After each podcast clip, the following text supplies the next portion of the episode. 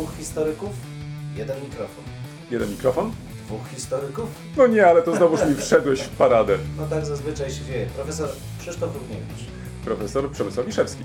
Próbujemy nagrywać to, co nas ciekawi, to, co nas kręci, ale zawsze w kontekście historii.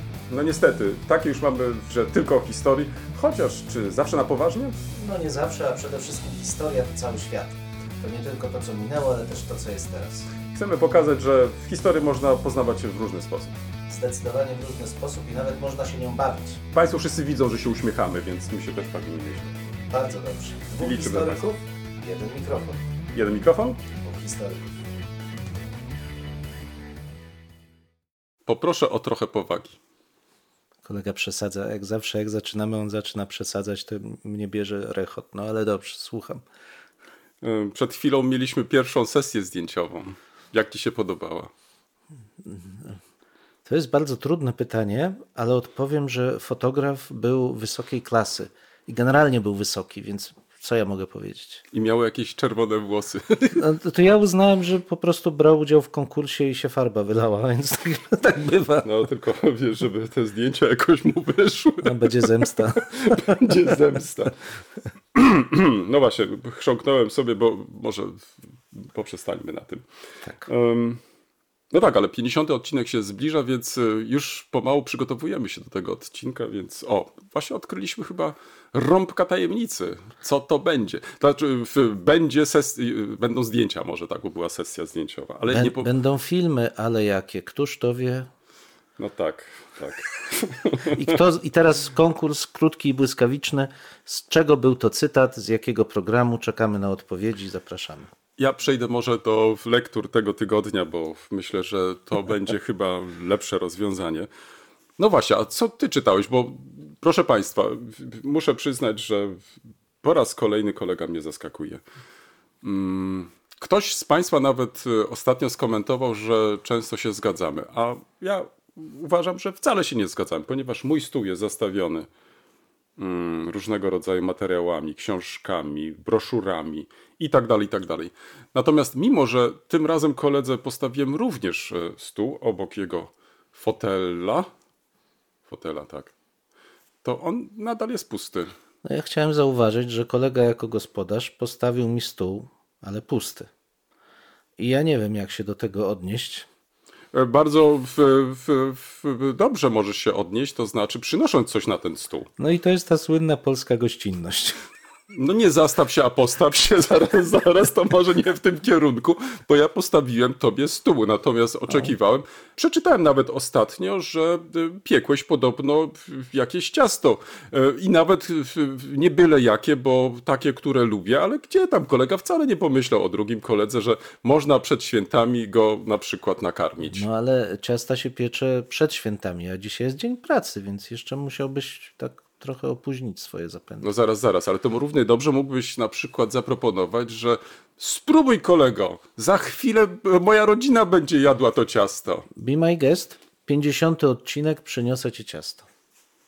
To miał być makowiec, proszę państwa, i tak e, teraz tylko ten makowiec mogę sobie wyobrazić wirtualnie.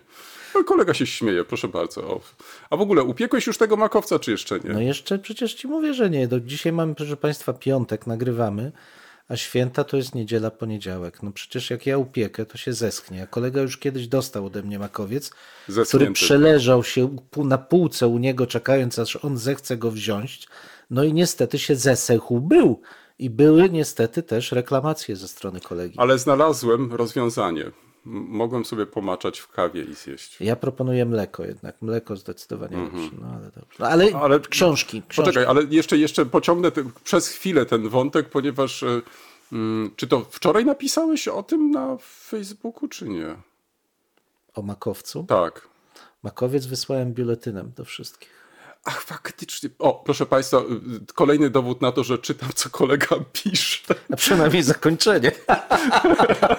No tak, ale to teraz się okazało, że wiemy, że dzwonią, ale nie wiem w którym kościele. To chyba nie najlepszy jest e, sygnał. No tak, ale niezależnie od tego wczoraj wysłał, więc wczoraj był prima aprilis i kto wie, no może ten cały list e, należałoby tak potraktować w tych kategoriach. Ale nie zostawiam, ponieważ kolega raz na tydzień to wysyła, więc pewnie wszystkich przyzwyczaił do tego. Chociaż z drugiej strony, mm, nie wiem, może dzisiaj dostaniemy nawet jakieś sprostowanie, kto wie. Nic tam nie było takiego, co wymagałoby sprostowania. E, Poza tym, że piekł będę, ale w, Czyli makowca jutro, nie upiekł. jutro będę piekł. Nie tak, tak, jutro będę piekł. No dobrze, zakończmy już wątek też makowca, bo myślę, że nie będę go ciągnąć dalej. Skoro kolega nie przyniósł, nie pochwalił się, nie upiekł, to trudno. A, przeżyję to jakoś. E, A, a propos lektur. No ale że co? Że mam mówić o swoich? Czy ja mam mówić? Nie, to zacznij teraz ty. No dobrze, to ja zacznę. One wpasowują się jakoś w, w ten nasz dzisiejszy temat, którego jeszcze nie zdradzę. Może Państwo zgadną. Dwie e, publikacje. Jedna Nory Berendt. e, Wydana została w 2017 roku po raz pierwszy, teraz ukazuje się w takim tomie zbiorowym po raz drugi, a dotyczyła mniejszości w średniowieczu. Czym są mniejszości? Jak zdefiniować minorities dla tego okresu? Czy w ogóle używać tego terminu? Bo to wiadomo, że duża część naszej pracy, tej wstępnej, to jest przygotowanie sobie tego narzędziowego zestawu terminów, którymi się posługujemy, zdefiniowanie ich.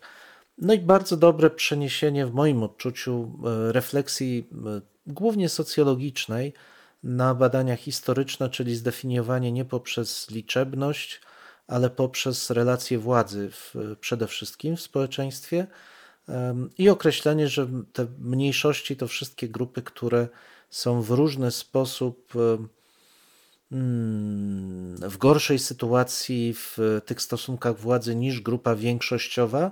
Przy czym ta większościowa oczywiście może być mniejsza liczebnie, może być w ogóle nawet marginalna liczebnie, ale będąca w lepszej sytuacji prawnej. Ciekawy artykuł o tyle, że dla mnie niewystarczający w tym sensie, że bazuje na takim prostym przeciwstawieniu analizy tego typu relacji mniejszość-większość w takim bipolarnym charakterze. To znaczy, że te relacje zawsze rozgrywają się między jakąś większością i jakąś mniejszością. Natomiast z moich badań wynika, że przynajmniej dla średniowiecza, ale pewnie dziś tak jest też, że te relacje rozgrywają się między większością i mniejszościami w liczbie mnogiej. I te mniejszości mogą bądź wchodzić w te bipo- bipolarne relacje, ale bardzo często one rozgrywają się na pewnej płaszczyźnie, gdzie mamy te poziome relacje między mniejszościami i albo właśnie takie bipolarne, albo grupowe relacje z tą grupą większościową. Co ma swoje konsekwencje też dla analiz i historycznych, i zrozumienia procesów, jakie zachodzą, a we współczesnym świecie też do refleksji nad tym, jak te grupy mniejszościowe mogą bronić swoich praw. Więc bardzo ciekawa analiza, taka też e, ze względu na to, że pokazuje ona, że samo przeniesienie refleksji tej z nauk społecznych na historię nie powinno być automatyczne, że jednak warto się zastanowić nad tym, do jakiego stopnia te mechanizmy definiowane przez nauki społeczne są trafne, odnoszą się do przeszłości. To jest jedna, um, jeden artykuł, w, zresztą artykuł wstępny do bardzo ciekawego tomu dotyczącego funkcjonowania mniejszości w średniowieczu. Notabene sprawy polskie omawia, omawiają tam autorzy niemieccy, moim zdaniem niepotrzebnie zupełnie, bo byli polscy przedstawiciele, ale to, bo byłem na tej konferencji i pamiętam taki głos dyskusyjny jednej z organizatorek, że w tomie zostaną wydane prace tylko uznanych autorów e, posługujących się literackim językiem angielskim, co mnie po prostu rozłożyło. Ale Ale to oznacza, że nie ma takich autorów? to znaczy, że polscy autorzy nie zostali uznani za posługujących się literackim Literacką. językiem angielskim. No to tak bywa. Ale to tylko. Ale organizatorem nie byli Niemcy, tylko... Nie, nie, Anglicy. Anglicy. To się w Cambridge ta, ta konferencja odbywa. Bardzo snobistyczne miejsce. Drugi, drugi artykuł w Susan Reynolds, mm, zadający pytanie o tym, o relacje e, jakby przyczynowo-skutkowe między funkcjonowaniem narodu i państwa. E, I ona wychodzi od takiej refleksji, że generalnie zakłada się, że naród poprzedza państwo, to znaczy, że jest wspólnota mająca wspólną, no, mająca swoją tożsamość, która przekształca się w państwo. I to jest trochę nawiązanie już do wielu innych rzeczy, o których Państwu opowiadałem, i tutaj absolutnie w, e, solidaryzuję się z bardzo uznaną badaczką, no jedną z takich faktycznie klasycznych badaczek średniowiecza, która wskazuje, że, że jest zupełnie odwrotnie. To znaczy, że, na, że bardzo często najpierw mamy organizację polityczną, może nie państwową, która przekształca się w państwo i następnie na tej bazie formuje się coś, co potem w oparciu o wyobrażone narracje przekształca się w naród mający teoretycznie wspólne pochodzenie. Ona to śledzi na przykładzie wczesnośredniowiecznych przemian, ale jest to jeszcze jedna glosa do tego, jak postrzegamy to, co nazywamy procesem takim mm, nacjogenetycznym, że tak powiem, czyli trak powstawania narodów. Nie jest to proces prosty. Tutaj też można by wskazać wiele przykładów, kiedy e, ta, ta teza o kształtowaniu przez państwo nie zawsze jest e, właściwa, że mamy takie organizacje, które wykształciły tożsamość narodową bez państwa właśnie. Więc e, jakby ostrożność należy tu zachować, ale w odniesieniu do średniowiecza to bardzo trafna uwaga, że nie ma w zasadzie tak, że najpierw była tożsamość narodowa, która wykształciła państwo w średniowieczu. Natomiast tożsamość etniczna jak najbardziej funkcjonowała, wieloetniczna, która przekształcała się w naród polityczny. Niektóre z takich narodów wieloetnicznych wykształciły na potem wspólnotę jednoetniczną, ale zdecydowanie nie wszystkie. Więc bardzo ciekawy, inspirujący mm, artykuł, znów pokazujący tą różnorodność funkcjonowania organizmów społecznych w czasie i w przestrzeni i zachęcający do krytycznych lektur także naszych wielkich e, mistrzów pod kątem właśnie zróżnicowania okoliczności, w których zachodzą przemiany społeczne. I to z głowy, bo kolega mnie oskarża, że ja nic nie przynoszę. To faktem jest i to muszę skomentować. Tak słuchałem, słuchałem z wielkim zainteresowaniem. Kolega faktycznie no nie ma kartki, nie ma niczego i on tak z głowy, Boże, no, to są lata praktyki. No ja niestety, mimo że mam lata praktyki, to jednak e, wolę się od czasu do czasu podeprzeć taką czy inną pomocą. Bo to jest różnica między tym e, słowiańskim sznytem, gdzie z głowy, czyli z niczego, i tym e, zachodnim, kiedy jednak jest podstawa, jest argument, jest autorytet. Ja z głowy, czyli z niczego. Proszę Państwa, moje lektury tym tygodniu poszły trochę w innym kierunku, chociaż e, myślę, że pod koniec uda mi się nawiązać do lektur e, mojego kolegi. Otóż e, od ponad tygodnia nic innego nie robię, tylko czytam o traktacie polsko-niemieckim z 1991 roku, którego 30. rocznicę będziemy w tym roku obchodzić. Robię to dlatego, ponieważ przekonałem się, że w ostatnich latach ukazało się sporo bardzo ciekawych publikacji, których jakoś tak do końca nie zarejestrowałem. To znaczy, mam je na półce, w, gdzieś w komputerze, ale jakoś tak specjalnie do nich nie zaglądałem. Natomiast teraz, kiedy stanąłem przed e, problemem napisać jakiś sensowny tekst i żeby to nie było powielenie tego, co ktoś kiedyś napisał, albo sam coś kiedyś napisałem, to dobrze było zajrzeć do właśnie tych książek, pościągać to wszystko z tych półek. I Proszę sobie wyobrazić, książka, która zawsze była u mnie na półce, nawet wręcz bym powiedział od 10 lat. Ale tak do niej podchodziłem, nie wiem, czy ty też czasami tak masz, że podchodzi się do jednej książki, tak się ją obraca, przewraca, odkurza, ale nie zawsze się chce jakoś tak może zagłębić i tak dalej. Tym razem się zagłębiłem. Mianowicie sięgnąłem po książkę moich młodszych koleżanek i kolegów, mianowicie Karoliny Gil i Tytusa Jaskłowskiego, która, książki, która ukazała się przed 10 lat. Mianowicie 20 lat później rozmowy o polsko-niemieckim traktacie o dobrym sąsiedztwie i przyjaznej współpracy. Publikacja, która ukazała się 10 lat temu po polsku i po niemiecku, mm, jest e, taką bardzo ciekawą propozycją takiej refleksji wiele lat po podpisaniu tego traktatu. Głównych aktorów, jak oni widzieli wtedy, jakie trudności mieli wtedy, dyskutując e, o relacjach polsko-niemieckich, dyskutując o tekście nowego traktatu.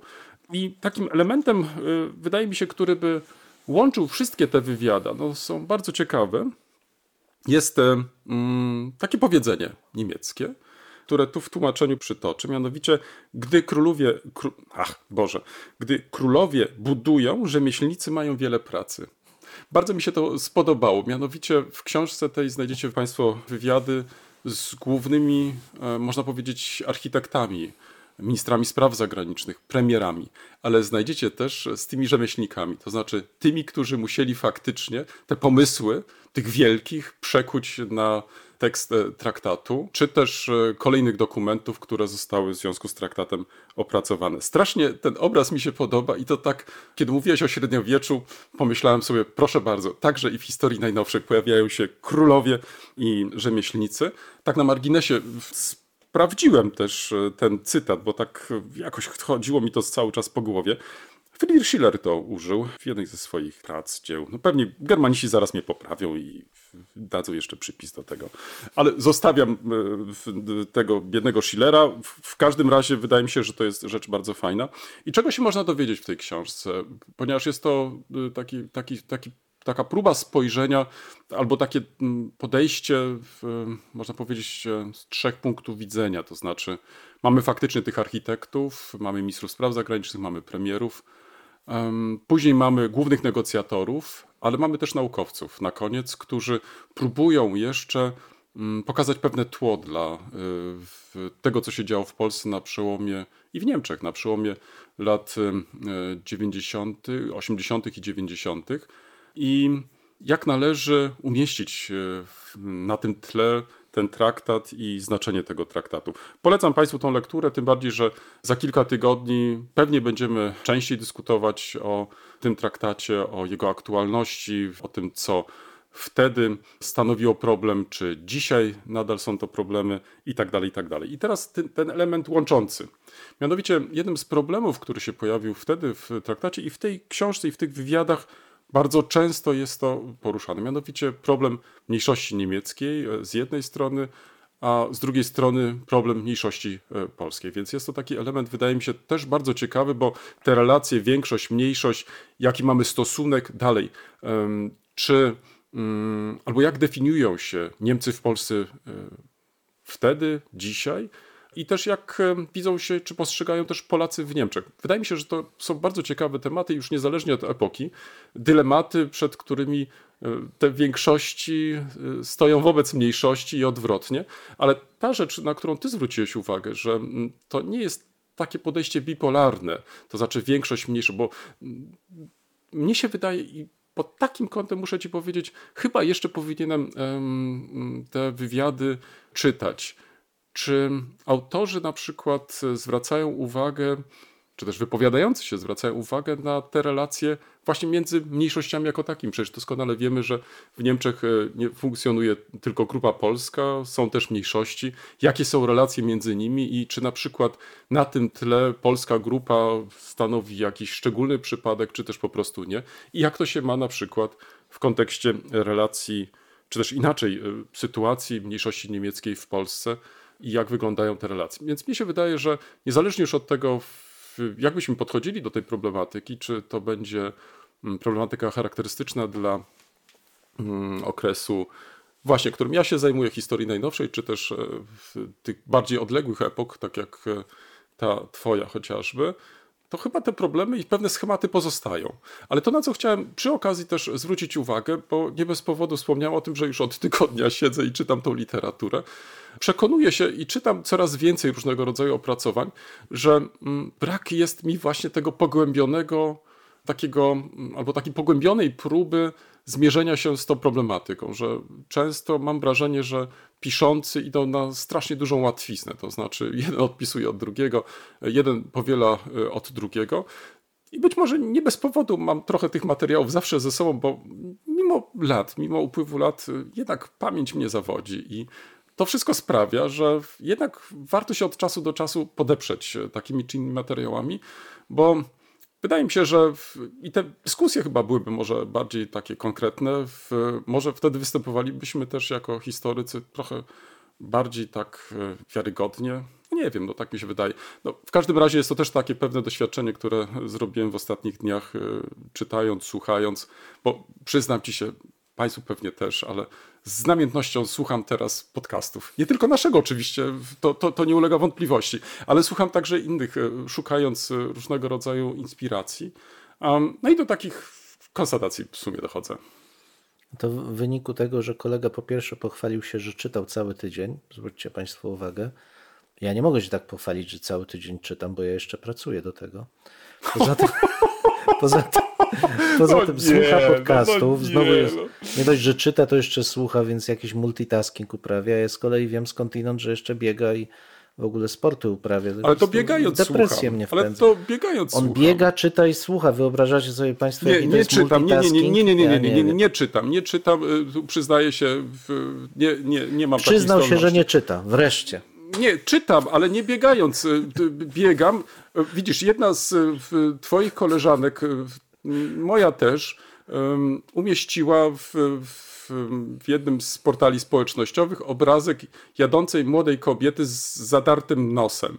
Więc kiedy skomentowałem, jak to jest możliwe, jadąc y, rowerem, mieć zadarty nos i nie mieć kasku, czy to jest w- nie przypadek do tego, żeby zaraz upaść i tak dalej, odpisała mi, że hm, niektórzy tak mają. No, nie wiecie, wiedziałem za bardzo, jak to komentować No dalej. Zrezygnowałem. Bardzo słusznie. No ale dzisiaj y, notabene w jakimś sensie możemy nawiązać do tego, bo to jest jeszcze jeden przyczynek do sporów e, tożsamościowych. O, jesteśmy już, to Tak, już jest właściwy tak, temat. Tak, tak, tak, tak, tak. proszę Państwa. No Przechodzimy do właściwego tematu. No bo tutaj mieliśmy przykład takiego sporu na wielu płaszczyznach właśnie, bo to i płciowej, jeśli można tak powiedzieć, Tak, tak. ale też i wiekowej, więc możemy sobie tutaj... Różnica wieku tak, też jest, tak, tak. No i w dodatku był tutaj też element sporu między poruszaniem się na dwóch i czterech kołach. O, i jeszcze nogach, więc to też tak, e, tak. bardzo wiele grup tożsamości, ale to jest też punkt wyjścia dobry dla mnie, bo co zawsze podkreślam, nie ma jednej tożsamości. Uważam, że człowiek to jest nic nowego. Człowiek ma bardzo wiele tych tożsamości, które aktywuje w momencie, kiedy pojawia się konkretna sytuacja. I te sytuacje zmuszają nas czasami do wyborów tych tożsamości, a czasami powodują, że nieświadomie zupełnie się to wcielamy. No ale dzisiejszym tematem ma być raczej sytuacja, którą, z którą na co dzień chyba się stykamy w bardzo wielu miejscach, a ze względu na to, że będziemy się spotykać wirtualnie, zapewne najczęściej, mniej fizycznie w te święta z naszą rodziną, to ten element, czyli spory dotyczące naszych tożsamości, mogą pojawić się także w ciągu najbliższych dni. I nasze pytanie jest, czy w historii jakoś sobie z tym poradzono? Myślę, że to raz, że to nie jest temat nowy, może tak, Mhm. e, ale nie wiem, czy znaleźliśmy jakiś klucz e, do tego, żeby rozwiązywać tego rodzaju problemy, bo jeżeli one co jakiś czas narastają, to oznacza, że no trochę jesteśmy bezradni. Myślę, że też jako historycy, bo tutaj to jest też i tak, że no, nie ma jednego zdania. To chyba, ja myślę, że to cały czas musimy podkreślać, mimo że nasi słuchacze wręcz mają do nas pomału już pretensje, że zamiast powiedzieć e, białe to białe, czarne to czarne, my stale wokół tego nie dajemy jednoznacznej odpowiedzi, mogą nawet mieć wrażenie, że hmm, być może oni nie wiedzą, o czym oni, oni mówią. No. Nie wiem, ale pretekstem do tej naszej rozmowy był wpis faktycznie jednego z naszych słuchaczy, który zwrócił nam uwagę w kontekście jednego z odcinków o fałszowaniu historii. Dlaczego nie wspomnieliśmy o projekcie 1619? I tu muszę ci się przyznać, że trochę byłem zaskoczony. To znaczy, jakoś nie zwróciłem uwagi na ten problem, ale, to tłumaczę tym, że nie zajmuję się mm, dziejami Stanów Zjednoczonych i nie interesuję się aż tak szczegółowo tym, co się tam po prostu dzieje w kontekście na przykład e, zmagania się z przeszłością, historią i tak dalej. Chociaż kwestia na przykład burzenia pomników, demolowania tych pomników z przeszłości, zwłaszcza okresu wojny secesyjnej i tak dalej, oczywiście to do mnie dotarło. Na to zwracałem już uwagę, ponieważ e, to przeniosło się później do Europy i z kolei to, czym ja się zajmuję, czyli Niemcami, także pojawiło się w kontekście niemieckim w przypadku kolonializmu, pamięci o kolonializmie, też obchodzenia się z byłymi koloniami, także pomnikami, nazwami, które też są e, przecież obecne w przestrzeni publicznej niemieckiej. No i ta debata praktycznie przeniosła się także pomału chyba i do Polski. W ostatnich e, tygodniach coraz częściej czytamy o jednej z e, książek e, Henryka Sienkiewicza w Pustyni i Puszczy i w krytyki, która spotkała mm, właśnie tą, tą, tą, tą książkę w kontekście także lektury jako takiej dla młodzieży, dla szkół. Pokazuje to tylko, że z jednej strony dzieją się gdzieś na świecie takie czy inne debaty, może nie zawsze je jakoś rejestrujemy. Z drugiej strony, może nie wprost, ale może tak, tak, to taka trochę okrężna droga jest, że staramy się później zwracać baczniejszą uwagę na to, gdzie się co działo i tak dalej, i tak dalej. I faktycznie, zachęcony tutaj uwagą naszego słuchacza, zacząłem szperać, szukać, co miał na myśli, o co chodzi w, w tym projekcie 1619. No i nagle wszedłem w temat, muszę ci powiedzieć, który mm, no, nie jest tematem dla mnie nowym, ale dotąd nie postrzegałem tego problemu z takiego punktu widzenia. Króciutko chodzi o datę przypłynięcia pierwszych niewolników do Stanów Zjednoczonych. Dwa, trzy lata temu New York Times opublikował bardzo obszerny esej Zresztą autorka później otrzymała Pulitzera za ten esej, ale równocześnie ta sama gazeta postanowiła przygotować materiały edukacyjne dla szkoły. Chodziło tutaj o to, żeby pokazać rolę i znaczenie niewolnictwa, kolonializmu, rasizmu w historii Stanów Zjednoczonych. Wręcz nawet pojawiła się taka próba mm, mm zamienienia dat, to znaczy, że tą datą y, tworzącą Stany Zjednoczone to nie jest e, data niepodległości, e, czyli ten 1776 rok, tylko właśnie przybycie pierwszych niewolników. I tak naprawdę powstał e, taki właściwie pomysł, ażeby tą historię Stanów Zjednoczonych pisać na nowo i trzeba przyznać, że pojawiła się ogromna kontrowersja. To znaczy, nie tyle gdzie szukać tych początków Stanów Zjednoczonych, tylko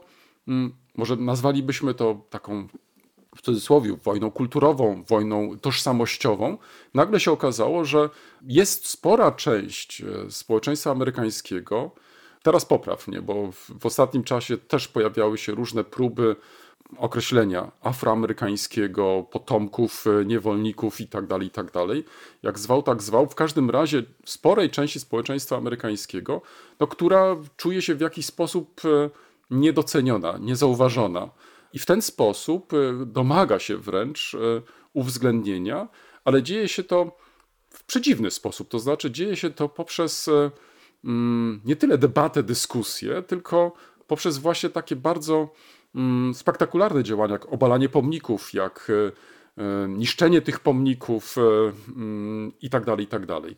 I to jest coś, co budzi trochę moje wątpliwości. To znaczy, bo z jednej strony jak najbardziej jestem za debatą, jestem za tym, żeby dyskutować, żeby szukać zrozumienia. Tym bardziej, że w ostatnim czasie, kiedy zacząłem przyglądać się trochę ostatnim monografiom dotyczącym historii Stanów Zjednoczonych, to faktycznie te, które się ukazały przed y, rokiem czy przed dwoma laty, w bardzo szerokim zakresie uwzględniają także ten problem niewolnictwa, problem rasizmu, problem obchodzenia się, problem pamięci o tym. Więc nie jest też tak, że mm, historycy nie dostrzegają tego problemu, że historycy go nie widzą, ale myślę, że chyba musimy tutaj dwie rzeczy odróżnić. To znaczy, z jednej strony naszą pracę, dyskusje, które prowadzimy też między sobą, i tym, co ostatecznie przenika do tej świadomości społecznej. To znaczy, na ile te nasze prace faktycznie są czytane, recypowane, e, są też e, takim punktem wyjścia do dalszej sensownej debaty. Mnie się wydaje, że do tego dochodzą tutaj jeszcze przede wszystkim emocje, może jakieś skrywane, nie tylko uprzedzenia, ale też e, to myślenie takie stereotypowe. No i teraz w nałożeniu z tymi wszystkimi problemami, z którymi boryka się dzisiaj, e, czy borykają się dzisiaj Stany Zjednoczone, to, to faktycznie tworzy taką mieszankę, bym powiedział, wręcz e, wybuchową. I myślę, że mm, ten projekt Powstał zresztą bardzo szybko do tego projektu 1619, alternatywny projekt 1776, ale tylko pokazuje, że historia raz napisana no nie jest już jakoś tam e, odbita na kamieniu i jej nie można ruszać, tylko faktycznie kolejne pokolenia, ale czy ja mówię, słuchaj, ja mówię cały czas oczywistości, ja nie wiem, nie masz takiego też wrażenia, że, że wracamy z pewnymi tematami do, do punktu wyjścia, Chociaż tak naprawdę dochodzą jakieś kolejne aspekty, jakieś dochodzą kolejne niuanse. Wiesz, to generalnie poruszyłeś bardzo dużo bardzo ciekawych e, tematów, z których każdy mógłby być punktem wyjścia do dyskusji, ale chyba zacząć wypada od tego, że hi sytuacja historii generalnie nauk humanistycznych w Stanach Zjednoczonych jest nieco inna niż w Europie. I z tego też trzeba sobie zdawać sprawę, że duch pragmatyzmu, który na przełomie mniej więcej XIX i XX wieku zdominował szkoły wyższe w Stanach Zjednoczonych, jest dużo silniejsze niż e, zdawalibyśmy sobie z tego sprawę, żyjąc w kulturze europejskiej. Nauki humanistyczne mają czemuś służyć. Wraz z oddaleniem się od takiego ducha kształcenia liberalnego, które mm, to nie chodzi tutaj o liberalizm jako nurt polityczny, ale artes liberales, nauki e, wyzwolone, które miały mhm. kształtować człowieka elity poprzez jego znajomość literatury, kultury, postawiono pytanie w zasadzie, po co jest historia. Historia była traktowana jako wstęp do polityki. Historia miała być wykorzystywana przede wszystkim jako narzędzie w bieżącym sporze politycznym.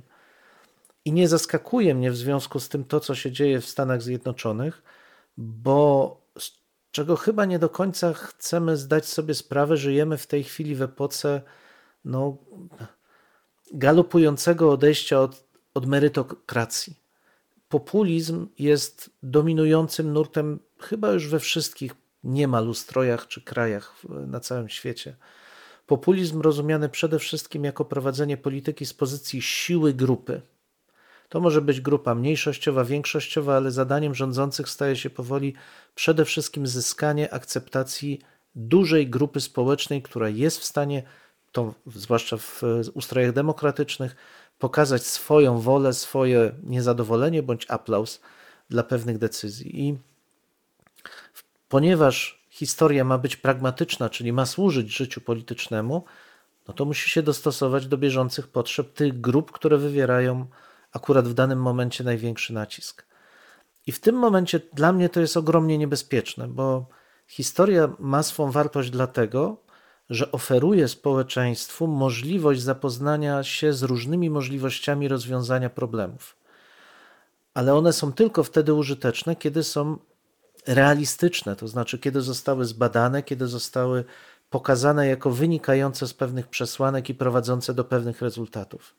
W momencie, kiedy pokazujemy historię właśnie nie poprzez pryzmat źródeł, czyli poprzez tego, jak ludzie działali, jak myśleli, ale poprzez tego, jak chcemy ją pokazać, że wyglądała, to pozbawiamy się kontaktu z rzeczywistością. Czy kształtujemy historię jako jeszcze jedno narzędzie wzmacniające pewne emocje społeczne.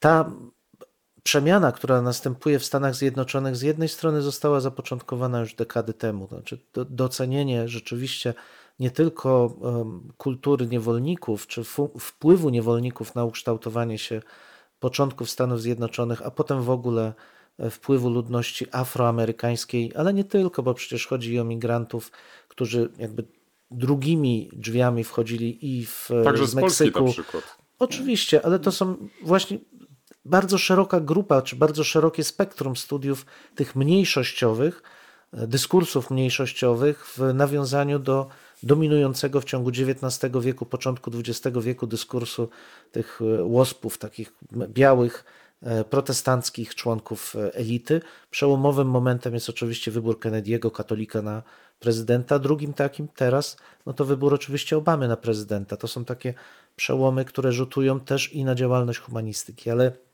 co jeszcze raz podkreślam, dla mnie to jest bardzo niebezpieczny trend, ponieważ zrywa nić łączącą naukę z rzeczywistością. Tymczasem z założenia ta nauka, jeśli ma służyć, to musi być związana z rzeczywistością. I jej autorytet opiera się na tym, że właśnie nie ulega wpływom politycznym, tylko pokazuje nam obraz rzeczywistości. Dla mnie zupełnie szokujące z tej całej dyskusji są dwa elementy. Ta, ta, ta tak zwana cancel culture, która oznacza, że można skazać kogoś jakiegoś twórcę, jakiegoś człowieka na kompletne usunięcie, na wymazanie, e, dlatego że jego czyny z przeszłości obecnie oceniane są jako głęboko negatywne. No to jest właśnie kwestia też e, w pustyni i w puszczy, bo to oznacza w ogóle zanik racjonalnego ujęcia kontekstu kulturowego.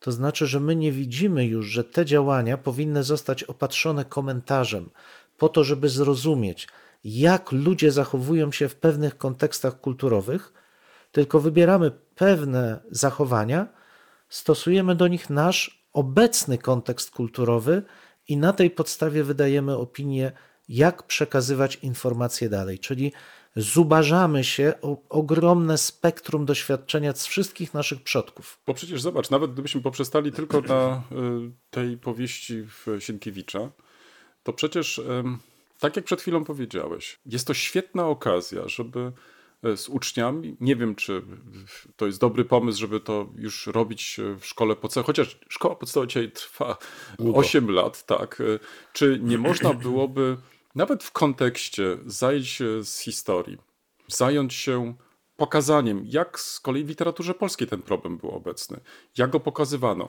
jak można interpretować dzisiaj tą powieść. Mnie się wydaje, że to jest zawsze dobra okazja, żeby zastanowić się, co można z tego wyciągnąć. Ale to zakłada jedną rzecz. To zakłada, że nauczyciele, którzy prowadzą tego rodzaju zajęcia, są uwrażliwieni na ten problem. To znaczy nie podchodzą do tego problemu w sposób, bym powiedział, taki bardzo ograniczony, polityczny i tak dalej, tylko wręcz odwrotnie, pokazują, że na różnych etapach powstawały takie czy inne dzieła, które z naszego dzisiejszego punktu widzenia są może problematyczne, ale rzeczą najważniejszą jest pokazać, czy też wykazać, dlaczego są problematyczne.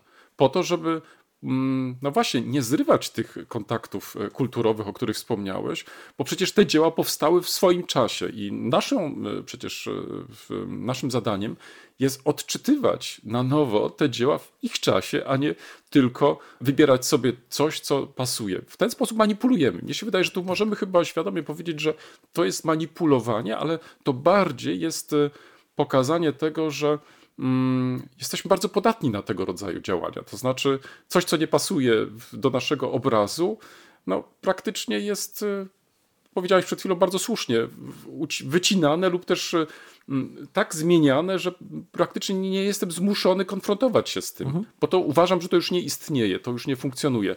Ale w ten sposób użyłeś tutaj takiego ładnego określenia zubaża, ale też bardzo spłyca tą naszą po prostu dyskusję, debatę i później nie mamy tak naprawdę do czego się y, odwołać, chociaż wszystkie te elementy możemy e, po prostu znaleźć także w przeszłości, niekoniecznie musimy sięgać aż do Stanów Zjednoczonych, możemy przecież e, na naszym podwórku, tym takim rodzimym, znaleźć e, wiele przykładów, e, że także i takie debaty w przeszłości prowadzono i dzisiaj należałoby takie debaty dalej prowadzić. No, oczywiście, no jedna z y, obecnie, zwłaszcza w tych kręgach lewicujących, modnych tendencji, czyli podkreślania chłopskiego pochodzenia większości narodu polskiego, pokazywana jako rzecz odkrywcza, no ale ta dyskusja lata 40., 50., 60., y, jakby się przetoczyła, wiele rzeczy można już z tego zaczerpnąć, pomijając ideologiczny sztafaż tego okresu, to jednak warsztat, który wtedy był wypracowany do badania historii ruchu e, chłopskiego, czy w ogóle chłopów, z pozycji chłopów. To zresztą to jest okres międzywojenny też. No wszystkie te rzeczy już jakby były, można z nich czerpać. Natomiast to, co mnie też bardzo niepokoi, to jest taka przewrotna moim zdaniem tendencja, bo do nie tylko zamykania się w pewnych grupach informacyjnych, tożsamościowych właśnie, ale wręcz bardzo agresywne określanie granic tych grup i zabranianie wkraczania w obręb tych grup. Jest taki też nurt, który powoli, obawiam się, zaczyna i u nas się pojawiać, cultural appropriation, czyli oskarżanie kogoś o przywłaszczanie sobie kultury. To przyznaję, że z, ze zdziwieniem i smutkiem przeczytałem o sytuacji w jednym z uniwersytetów w Stanach Zjednoczonych, gdzie mm, e, studenci mm, ciemnoskórzy wystąpili bardzo agresywnie przeciwko białej studentce, która miała długie kolczyki, bo oskarżyli ją właśnie o przywłaszczanie sobie kultury afroamerykańskiej. e, Żądali usunięcia jej z, z uczelni z tego powodu, a potem zwrócili się przeciwko dwójce w, wykładowców, w tym dziekanowi, który próbował zachęcić do dyskusji, nie bronił nawet, ale zachęcić do dyskusji na temat samego zjawiska i możliwości takich działań. Dlaczego mnie to niepokoi, tylko powiem, i dlaczego mówię, że jest to przewrotne? Bo ja, jak wspominałem o tej pierwszej je- mojej lekturze i o mniejszościach, i o tym, że one muszą współpracować ze- sobą, to zresztą wynika też z moich badań, że takie są zdecydowanie lepsze rezultaty, brak konfliktów, wiele różnych rzeczy, to i tworzenie się grup społecznych współczesnych, tożsamościowych nie polega na tym, że kiedyś była jakaś oryginalna kultura afroamerykańska, sama nazwa zresztą jest fuzyjna, tak, z której czerpały tylko te osoby, które były potomkami niewolników. Pomijam już fakt, że no, to też była bardzo zróżnicowana grupa społeczna, nie wnikając dalej, ale ich kultura brała się także poprzez kumulowanie rozmaitych wątków kulturowych z zewnątrz.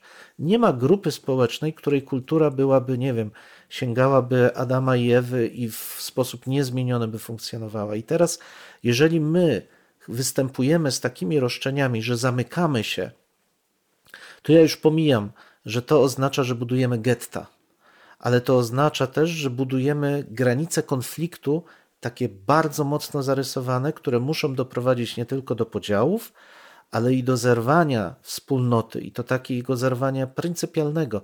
I w historii naprawdę wiele razy to obserwowaliśmy i patrzę na to z naprawdę ogromnym smutkiem, bo to oznacza, że już nie tylko nie dyskutujemy, ale wręcz nastawiamy się na to, że może istnieć tylko jedna prawda i to a priori a propos naszego w, e, Czarno-białe, tak, myślę, tak, tak. ale też naszego e, komentatora, który jakby chciał od nas tą jedną prawdę uzyskać, że ta jedna prawda musi zdominować, bo jest tylko ona.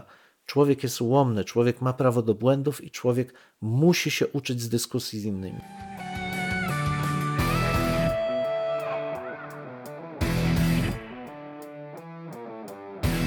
Tym miejscu stawiamy kropkę lub też jak to woli kropkę nad i. No, mamy nadzieję, że to nie jest koniec, że to jest początek Waszych dyskusji. Mam nadzieję, że Was zaciekawiliśmy. Prosimy o komentowanie naszych zmagań z historią. Poniżej zdjęcia jest wystarczająco dużo miejsca. I pamiętajcie, nie regulujcie odbiorników. No, my naprawdę tak brzmimy. E, tak, chociaż być może czasami e, może trzeba ściszyć. No może czasami ten nasz rekord by się przydało wyciąć, ale Dwóch historyków, jeden mikrofon, jeden mikrofon. dwóch historyków. Dziękujemy.